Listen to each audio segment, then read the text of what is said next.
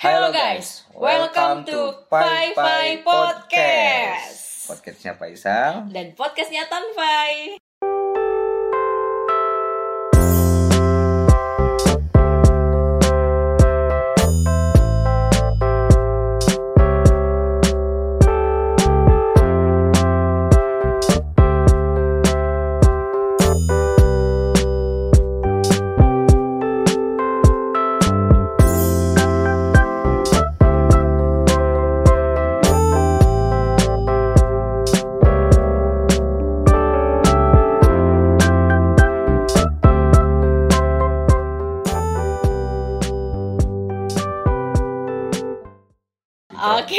Faisal, gimana nih kabarnya hari ini? Alhamdulillah, baik dong. Kaitan sendiri gimana nih kabarnya Kaitan? Alhamdulillah, luar biasa. Oke nih Kak Faisal, sebelumnya kita mau ngucapin dulu nih, selamat datang buat para pendengar di Fi-Fi Podcast. Ini adalah podcast perdana kita yang nantinya kita bakal ngomongin hal-hal random di podcast ini. Oh iya dong. Pastinya kita bakal ngebahas hal-hal yang menarik buat nemenin para pendengar setia Pai Pai Pai, Pai Podcast di sela-sela kesibukan tugasnya masing-masing Kaitan. Oke. Nah, Kak Faisal, ngomongin masalah tugas nih. Kalau kesibukan Kak Faisal, gimana nih sekarang? Hmm, kebetulan aku lagi sibuk banget nih Kak Intan. Waduh. Di samping sibuk sama perkuliahan, aku juga sibuk di organisasi. Widih, banyak nih jam terbangnya. Biasanya di organisasi sibuk ngapain aja nih, Kak? Uh, sekarang tuh lagi sibuk sama staffingan Kak Intan. Oh iya. Kebetulan beberapa bulan kemarin kita Hmm. baru aja ganti kepengurusan. Hmm, Nah gitu. Kalau Kak Intan bukannya anak organisasi juga? iya, aku juga sama. Dan kebetulan kemarin juga baru aja nih ganti pengurusan. Jangan-jangan kita satu organisasi nih, Kak. Oh enggak dong, enggak. Oh, iya, Aku enggak. kan organisasi daerah Kak Intan. Oh iya, Kak Faisal organisasi daerah ya. Iya. Kalau nggak salah di apa tuh? Himaka ya? Iya, himpunan mahasiswa Majalengka. Anjay. Gimana tuh Kak? Di maja apa di Himaka ini? Katanya Kak Faisal sempat ini ya. jadi calon. Gimana Iya, tuh Kak? itu Ceritain dong. banget Kak Intan. Spill spill. Dulunya tuh kan kayak gini. Ah, Pas ke periode angkatan 19 kan yang harus naik itu dari angkatan 20.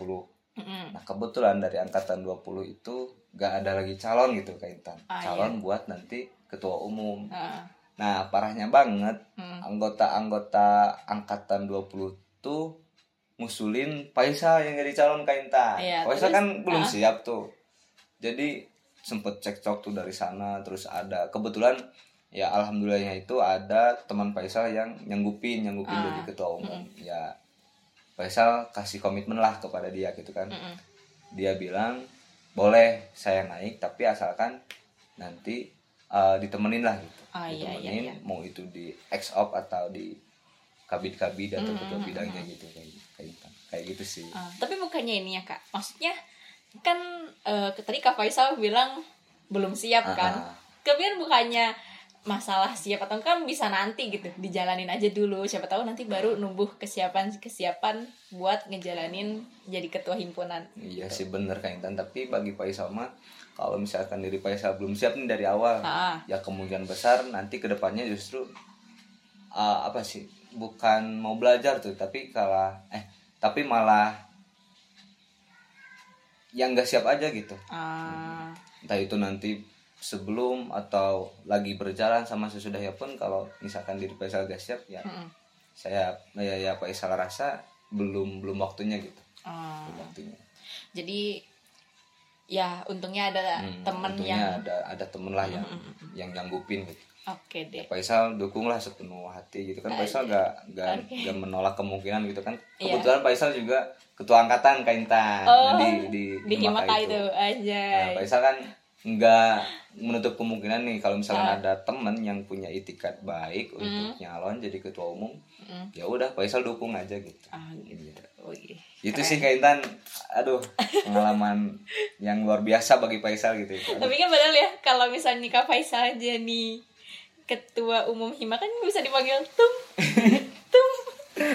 sekarang panggilannya kum Kak Intan. Ayah kum, apa tuh kum? Sekretaris umum. Ah, sekretaris umum sekarang. Aduh. Oke deh. Lanjut nih kak. Nah, eh pastinya ya. Tadi kan Kak Faisal bilang nih Kak Faisal sebagai sekum. Iya. Dan pasti bakal sibuk banget kan ya antara organisasi sama juga kuliahnya. Iya betul Nah, betul bener banget. Biasanya Kak Faisal gimana sih cara manajemen waktu antara kuliah sama organisasi? Hmm, kalau aku sih ya buat manajemen waktu, Mm-mm. aku sih biasanya pakai skala prioritas Kak Intan. Oh ya. Dan prioritas aku di Bandung ya untuk kuliah Hmm. karena kan Faisal anak rantau nih. Iya. Gak mungkin juga dong jauh-jauh datang ke Bandung Mm-mm. ninggalin kuliah. Iya sih benar banget. Jadi ya atur-atur kuliah aja gitu, atur-atur waktu biar kegiatan organisasi sama kuliah gak keganggu. Ah. Makanya dari dulu aku gak siap jadi ketua umum Intan. Biar nggak keganggu juga Iya, ya kuliahnya. gitu bener sih bener aku juga sama sih buat kuliah tuh tetap nomor satu buat aku tapi biasanya ya kalau aku tuh lebih sering em, ada yang namanya metode time blocking gitu Time blocking. buat ngatur waktu jadi biar kegiatan organisasi sama kuliah itu tetap balance kayak gitu Eh, time blocking ya itu time blocking itu kayak gimana Kak Intan? Iya, jadi uh, time blocking tuh sama sebenarnya, nggak nggak beda jauh sama kayak Faisal tadi gitu, buat ngatur waktu waktu. Tapi biasanya aku tuh udah uh, apa ya namanya, udah ngeagendain gitu kegiatan aku selama satu hari di hari itu tuh mau ngapain aja. Jadi aku kayak ngeblocking waktu, misalnya jam 7 sampai jam 8 waktunya buat sarapan. Eh, tapi lama banget ya sejam. biasanya kayak gitu dan itu tuh nggak boleh diganggu sama kegiatan lain aku biasanya kayak gitu tapi tetap juga uh, aku buat masukin jadwal itu tetap meng apa namanya meng apa mengurutkan skala prioritas aku juga dan dengan cara ini biasanya aku juga tuh uh, jadwal aku sehari itu jadi lebih teratur dan juga nggak ada jadwal yang bentrok antara kuliah sama organisasi Oh iya jadi gitu. Jadi eh, bentar mau nanya dulu. Mm-mm. Semasa Kak Intan nih nerap- nerapin time blocking ini. Kak Intan pernah gak ngelawan apa yang udah diatur sama Kak Intan di time blocking ini? Oh, eh pastinya pernah sih. Apalagi nih kan kan suka ya kita tuh sama-sama organisasi. Oh iya iya. Pasti suka ada nggak sih rapat dadakan? Nah, iya. Sebel banget tuh sebenarnya sama Parah, parah sama banget. yang kayak gitu. Itu kan suka eh, apa namanya? Suka ngeganggu jadwal kita Ah, ah, kan. Bener-bener. Nah, biasanya apalagi kalau misalnya rapat itu ternyata ada di waktu yang bentrok gitu sama kegiatan lainnya. Nah, aku baru tuh pakai skala prioritas Hmm. itu. Mana nih kegiatan yang menurut aku lebih penting dan aku lebih berperan penting lah gitu dalam kegiatan itu. Betul. biasanya aku lebih memprioritaskan kegiatan itu. Iya. Nah, kegiatan yang satunya lagi biasanya aku reschedule ulang entah itu dilakukan nanti atau besok kayak gitu. Iya, bener banget Kak Intan. Hmm, Solusi banget tuh. iya betul. Nanti bisa lah kapan-kapan dipakai sama Faisal. Iya, boleh boleh boleh. Jadi gini Kak Intan, kita Ya. kan sama-sama anak humas nih. Ah iya betul. Menurut Kak Intan, kuliah di jurusan humas itu kayak gimana sih? Kuliah di jurusan humas ya? Iya. Eh, pertanyaan menarik sih menurut aku ya. Soalnya, menurut aku nih, kuliah di jurusan humas tuh bener-bener seru banget. Di sana tuh ketemu sama teman-teman yang seru, terus juga ketemu sama dosen-dosennya juga nyantai banget gitu di jurusan humas. Pokoknya seru deh. Dan apalagi ya, jurusan humas itu kan rumpun sosial Iya. banyak interaksi sama banyak orang. Terus juga kegiatan-kegiatan prakteknya juga kan mengarahkan ke arah sosial gitu ya. Jadi nih, buat aku yang dulu waktu SMA-nya tuh anak eksak banget gitu, anak. IPA banget, yang menurut aku rada kaku gitu. Jadi kuliah di jurusan humas tuh ngerasa tertantang banget kayak gitu. Wah, bener-bener. Faisal baru tahu loh Kak Intan. Hmm. Ternyata Kak Intan dulu anak lintas minat. Iya. Berarti pengkhianat IPA dong. Enggak dong, enggak, enggak kayak gitu. Nih, jadi ya, dulu pas awal masuk kuliah jurusan humas tuh aku emang agak sedikit ngerasa salah jurusan ya. Hmm. Karena ya gimana ya, dulu kan aku yang agak kaku tiba-tiba harus bisa public speaking, harus bisa ngomong di depan banyak orang kayak gitu. Ah, bikin ngedrek-dek gitu loh. Tapi ya, setelah dijalanin ternyata ya enjoy enjoy aja gitu apalagi ternyata matkul-matkul yang kita pelajarin sekarang tuh bener-bener bermanfaat Oh. banget buat kita buat kehidupan kita juga Yes, betul banget Kak Intan. Hmm. Kalau menurut aku sih, bener Hmm. sih kata Kak Intan tadi. Matulnya tuh seru-seru banget kayak ada public speaking, Iya. terus protokoler, Hmm. ada announcing dan presenting gitu kan. Mm-mm. Ada manajemen PR, Mm-mm. marketing PR. Banyak kan? iya betul Gitu. Apalagi udah semester 6 nih. Wah, Iya. lebih tertantang apalagi sekarang ada medlit Kak Intan. aduh metlit ya Iya dong, medlit. kira-kira udah kepikiran kak buat judul metlit nih gimana Udahlah, mending kita jalin aja dulu Kak Intan apa yang ada sekarang. Oh iya Kak Intan, kayaknya boleh nih kita kasih tips-tips buat teman-teman setia pendengar podcast Pai Pai Hmm? yang ngedengerin podcast ini biar gak jadi mahasiswa kupu-kupu Kak Intan. Ah iya, boleh banget tuh kak. Ini Ini, dia, lima 5 tips biar kamu gak jadi mahasiswa kupu-kupu. Satu, Apa tuh? ikut organisasi kampus. Betul. Jadi, di samping kita sibuk kuliah, kita bisa ikut organisasi-organisasi yang ada di kampus Kak Intan. Contohnya apa tuh? Contohnya bisa ikut HMJ, Himpunan Mahasiswa Jurusan. Betul. Bisa juga ikut BEM kampus Oh iya, ataupun UKM UKM yang sesuai minat dan bakat kita. Kayak kita berdua dong ya, oh Kak. iya dong, betul banget. Apalagi ikutan organisasi tuh benar-benar lumayan banget loh kak, kata aku ya.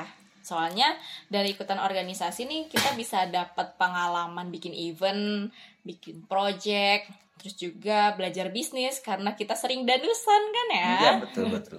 terus juga kita dapat ilmu terus juga relasi dari teman-teman berbagai jurusan dan juga alumni Nah, bener Kak Intan. Kayak relasi tadi tuh, kayak Mm-mm. kita magang. oh ya Nah, itu bisa dijadiin tempat relasi Kak Intan. Relasi yang kita punya, kita bisa manfaatin relasi itu buat menunjang karir kita ke depannya Kak Intan. betul banget Oke, Kak Intan, lanjut. yang kedua Apa tuh? menjadi tentor Tentor. Apaan tuh, Kak? jadi kak tentor tuh bisa dibilang jadi guru di sebuah tempat les atau mungkin guru-guru privat gitu ngajar-ngajar privat kayak gitu yang pastinya eh, apa ya kebutuhan guru untuk les atau privat tuh apa ya banyak gitu di sekitar kampus kita. Hmm. Nah kalau misalnya kak Faisal pernah nggak kayak ngajar atau jadi mentor kayak gitu loh? Hmm, kayaknya pernah deh pas dulu lagi acara Baksos. Hmm. Itu suatu proker dari himpunan mahasiswa Majalengka gitu ada proker Hmm. Baksos namanya, Bakti Sosial. Hmm. Nah, di sana kita latihan ngajar ke sekolah-sekolah SD gitu loh Kak Intan. Mm-mm. Oh, gitu. Dulu aku juga pernah ngajar les loh, Kak. Oh ya? Di mana tuh, Kak?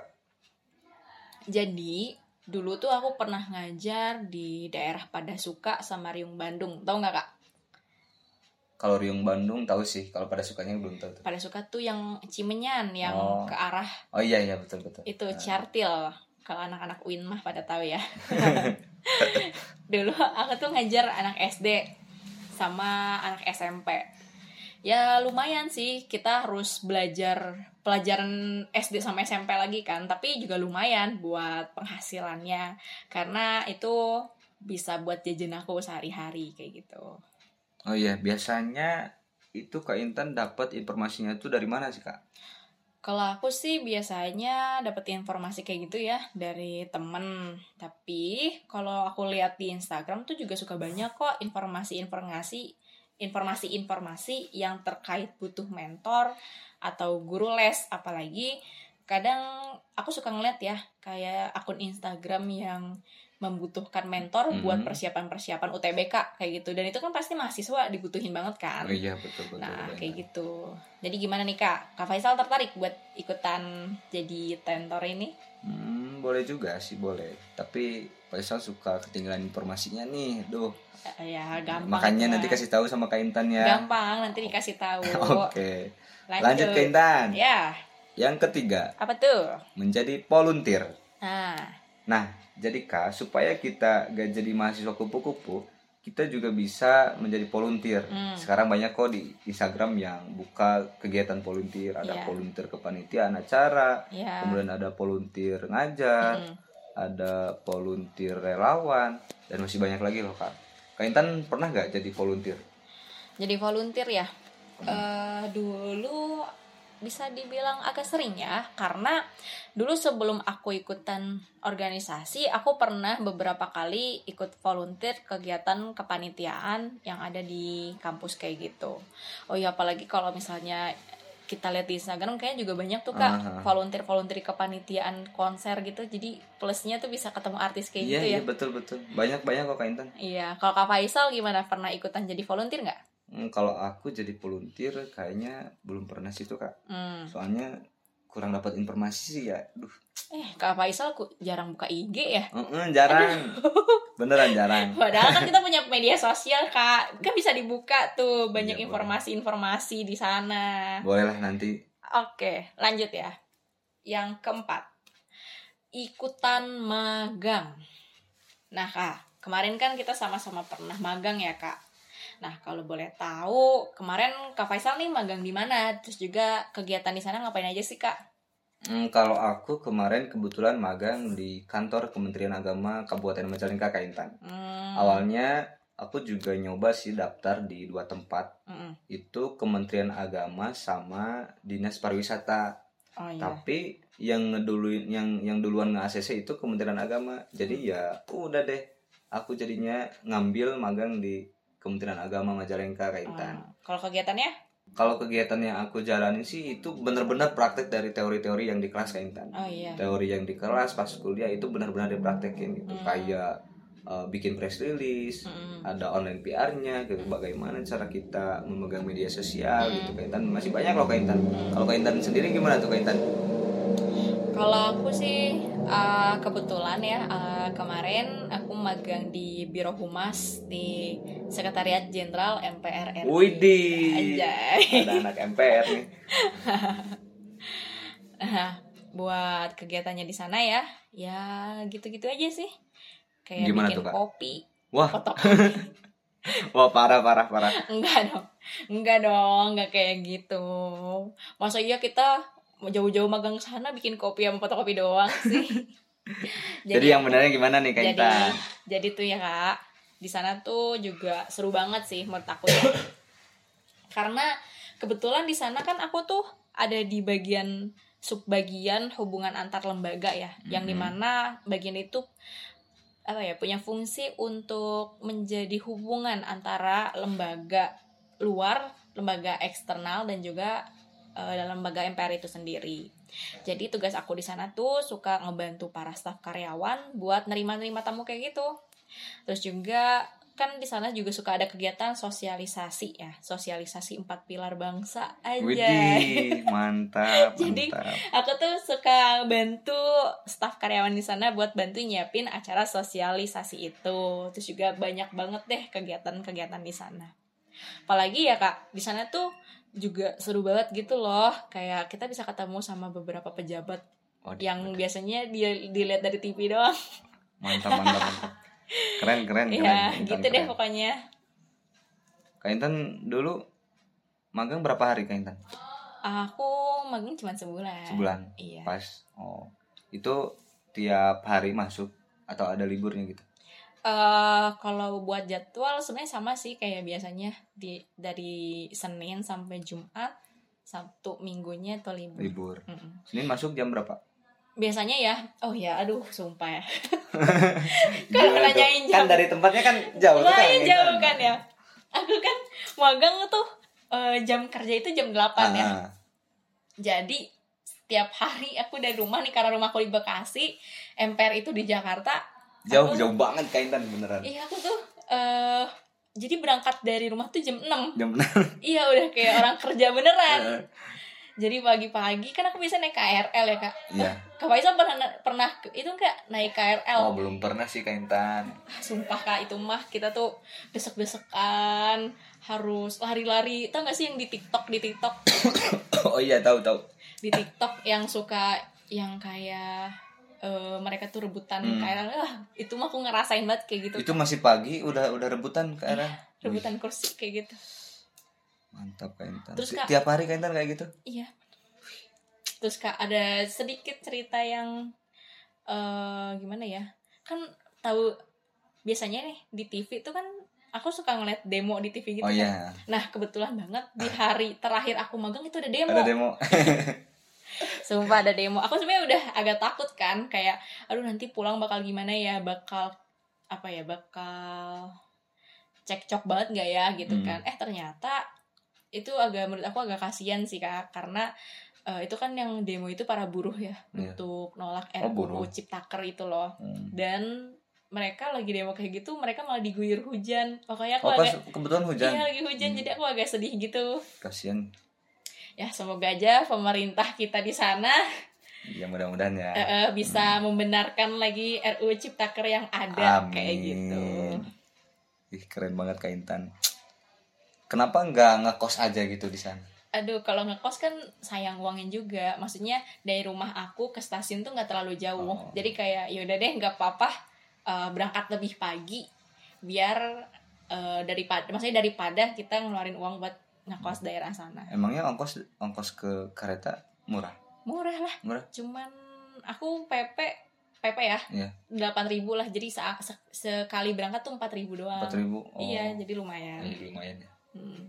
Ada teman magang di sana? kalau dari jurusan sih Nggak ada. nggak ada ya tapi untungnya di sana banyak teman-teman dari kampus lain gitu loh oh ya kak Faisal kalau misalnya kemarin teman-temannya gimana Dulu aku magang sama teman kelas A, Dini, Ah. tahu gak Dini? di Rahmawati Oh iya. oh nah, gitu. iya mau kebetulan iya, iya, bareng iya. sama dia kan dia orang Majalengka juga. oh iya Nah, pas awal masuk ke sana, Mm. di sana juga ada anak SMK yang lagi PKL, 10 orang. Hmm. Ya, biasanya itu kan ke apa sih masuk ke ngurusin RPL kayak gitu Ah, kan. iya, iya, iya, Bukan iya. di eh, bidang humasnya gitu. ah iya iya Ya gitu sih jadi ya tapi Faisal justru milih ngekos di di pas dulu pas magang. oh iya? Soalnya jauh dari tempat dari rumah ke tempat magang itu lumayan jauh sih ke kisaran satu jam setengah eh satu jaman lah satu jam. Ah. Kan belum ada transportasi kayak kereta iya gitu. kalau naik bis eh, lumayan lama gue hmm. jadi ya udah mending ngekos. Jadi Faisal ngekos di sana. Tapi lumayan juga ya lumayan jauh Mm-mm. satu jam kayak gitu. Kalau tiap hari naik motor agak encok juga ya kak ya? Cocok juga Kak Intan. Makanya lebih milih ngekos lah. Ya udah ngekos aja kayak gitu. Bolehlah pengalamannya. Iya Kak Intan. Jadi ya sampai sekarang alhamdulillah sih kalau ngejalan silaturahmi sama staff-staff di sana juga masih lah masih masih nyambung gitu. Hmm. oke lanjut Kak Intan. Oke. Yang kelima. Apa tuh ikut kegiatan seminar. Ikut Nah, kegiatan Kak seminar. Oke Kak betul. Intan di kampus pasti kan eh, banyak banget dong ya kegiatan-kegiatan seminar. Selain bisa ngisi kegiatan kita, kita juga bisa dapat ilmu dari kegiatan seminar itu Kak Intan. betul banget. Apalagi ya kak kalau misalnya di acara seminar tuh suka ada konsumsi gratis. Jadi nggak perlu tuh kita ngeluarin uang buat jajan. Dasar kamu Kak Intan, aduh. Tapi benar juga sih, apalagi pas akhir-akhir bulan gitu kan, ada kegiatan seminar, pasti ikutan itu mah Iya, apalagi kalau misalnya konsumsinya nasi box aduh Iya, udah betul, plus plus kenyang deh. Bener-bener. tapi nih kak eh, ngomongin akhir bulan ya Ya, Kayaknya gimana pernah gimana? ngerasain akhir bulan nggak di kosan tuh kayak Pernah, gimana pernah gitu? banget Kak Intan. gimana kalau akhir bulan biasanya ke eh, kalau biasanya aku sih kentan ya Mm-mm. nyetok mie rebus biasa Oh, mie akhir rebus. bulan mode akhir bulan Mm-mm. kalau terus kentan sendiri gimana itu bentar dulu itu mie rebusnya tipe yang ini nggak yang Kak Faisal tuh makan mie-nya dulu, sisa kuahnya buat makan sore. enggak enggak enggak gitu gitu amat dong kentan Oh, kayak gitu ya. jadi ya mie nya dimakan kuahnya dibuang gitu Kirain disisain buat ntar sore. parah parah kentan kalau kentan sendiri gimana tuh Kalau akhir akhir aku- bulan Aduh, kalau udah akhir bulan eh gimana ya? aku kan suka kadang suka eh, ngerasa nggak enak ya buat minta uang lagi Ah, gitu betul. ke orang tua. Jadi aku suka mikir kayak gimana nih caranya misalnya sisa sepuluh ribu diatur lagi gitu. iya misalnya buat satu minggu aduh Iya sih sama sih kalau masalah duit mah Mm. aku juga kadang kalau mau minta nih Hmm. jatah kan jatah tiap minggu Uh-uh. tapi kalau seminggu udah habis mau minta lagi itu malu kayak Intan. iya kan nggak enak banget ya iya jadi ya ya udah kita harus Iya, pinter-pinter uh. lah buat manage uang itu. Dulu aku pernah kak saking nggak punya uangnya kak aku tuh beli gorengan. Buat makan? Beli gorengan dua buat makan pagi makan siang. Untung beras masih ada ya. Ribu banget Kaintan. Tapi ya bener sih ngomong-ngomong nge-manage waktu gitu ya. Ah, Aku sendiri gitu belum pernah nemu orang yang pinter manage memanage uang gitu. ah, iya benar sih Susah banget nih- Emang susah? kalau aku sendiri sih masih belajar belajar gitu buat manage uang kayak ya gimana nih caranya nih orang tua udah ngasih sekian ya kita harus nabung Hmm. Iya, betul. harus buat makan harus buat ya jajan kayak cukup- gitu ya harus cukup cukup gitu. uangnya bener Belum kalau ikutan organisasi ada iya patungan-patungan. aduh Ah, Kaintan, Kaintan. tapi nggak apa-apa sih kak kadang aku suka mikir kayak berapapun uang yang kita keluarin maksudnya buat organisasi Iya. apalagi ya itu kayak ya udah deh ini investasi aku buat ilmu yang aku dapat di organisasi itu Betul. Kayak Setuju gitu. Kaintan. ah ya kak ngomongin masalah manajemen uang tadi Ah. aku dulu pernah tahu ngeliat ada aplikasi buat manage uang gitu Wah, iya ada pernah pakai. pernah tapi sayangnya tetap aja aku nggak bisa manage uangnya Tapi ya gimana ya, meskipun ada suatu hal yang bisa ngedukung kita buat nge-manage uang gitu. Hmm. Kalau kitanya sendiri gak bener-bener gak bisa, belum belum benar-benar belum bisa gitu, ya tetap aja gitu. Jadi kita se- seakan-akan ya boros itu. ah iya sih benar oh ya kak tadi kan kita udah ada lima tips ya Ah, ah.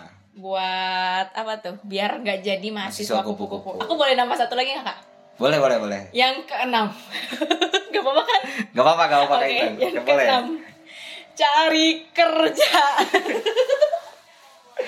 Jadi Bener. sambil part Sampingan. time, Ah, iya bener. bener. Jadi kan kalau kita nggak punya uang, itu kan Ah. daripada maksudnya teman-teman nggak mau nih organisasi kayak mungkin ada beberapa orang yang ngerasa kayak capek doang nggak ada hasilnya mungkin bisa gitu dari ikutan apa sih buat nyari part time gitu kerja di coffee coffee shop kayak gitu tuh buat ngebantu eh, nambah uang jajan Nambah. kita kayak gitu kan Yes.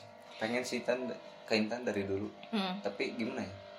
Kalau bilang ke orang tua pasti orang tua gak ngizinin Kaintan. Iya sih biasanya suka kayak gitu Mm-mm. kan. Tapi biasanya ya kalau misalnya orang tua aku tipe yang kayak eh mending jalanin dulu Hmm. baru nanti bilangnya Iya. iya. kayak gitu. Soalnya kalau kita bilang sekarang kadang suka nggak diizinin itu. Jadi kalau misalnya aku pengen part time nih, ya udah jalanin aja dulu. Hmm. Nanti kalau udah dapet duitnya baru nih aman kayak gitu. Tapi Kaintan ya bener sih ngomong-ngomong masalah sampingannya Faisal suka minder gitu lihat Hmm. lihat temen Faisal yang dia itu gimana ya orangnya gak gengsi gitu Hmm. malah kan ada ada yang jadi kurir Shopee Food Ah, ada yang sampingannya Gojek on- Gojek online kayak gitu Ya, bagi Faisal mentalnya itu udah udah terlatih gitu di samping dia kuliah tapi dia bisa juga cari uang lah buat tambah-tambah uang jajan gitu Mm. kan. bener sih kayak Intan, aduh jadi diri tuh asa agak, mi- Agak, jadi ngerasa ah, minder gitu kan ah. Intan.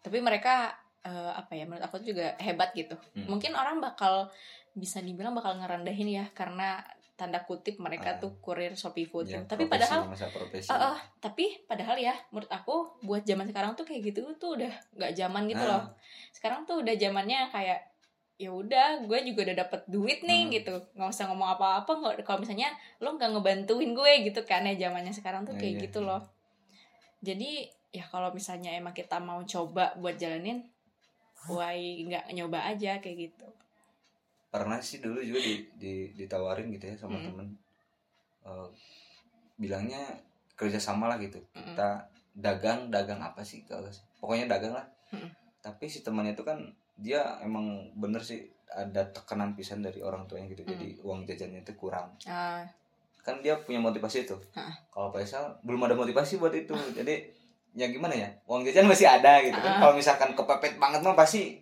maksain gitu. Ah, tapi ya ya gitulah. Jadi akhirnya gak jadi. Iya sih bener. Bener bener.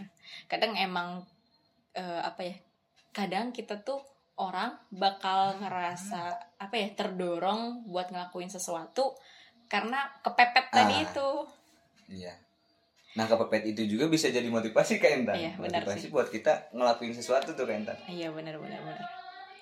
Nah biasanya kalau udah kepepet kepepet gitu kan kadang suka stres ya. iya bener ke Intan Aduh apalagi udah kepepet tugas, udah kepepet rapat, kepepet uang gak ada uang nggak ada. stres banget ke Intan Nah, biasanya Kak, Kak Faisal kalau misalnya udah kepepet atau lagi stres kayak gitu tuh, suka ngapain nih? Kalau aku biasanya ke Intan gimana ya? Paling healing lah nyari angin. Oh, Kalau enggak nongkrong nongkrong sama teman-teman. Ah, nongkrong sama teman ya. Iya. Nah, kebetulan banget nih Kak. Aku punya rekomendasi lagu buat Kak Faisal yang suka nongkrong sama teman-teman Kak Faisal. Lagu apa tuh kak? Oke, ini dia lagunya. Ngobrol di warung kopi by Warkop DKI. Yuh, check it out.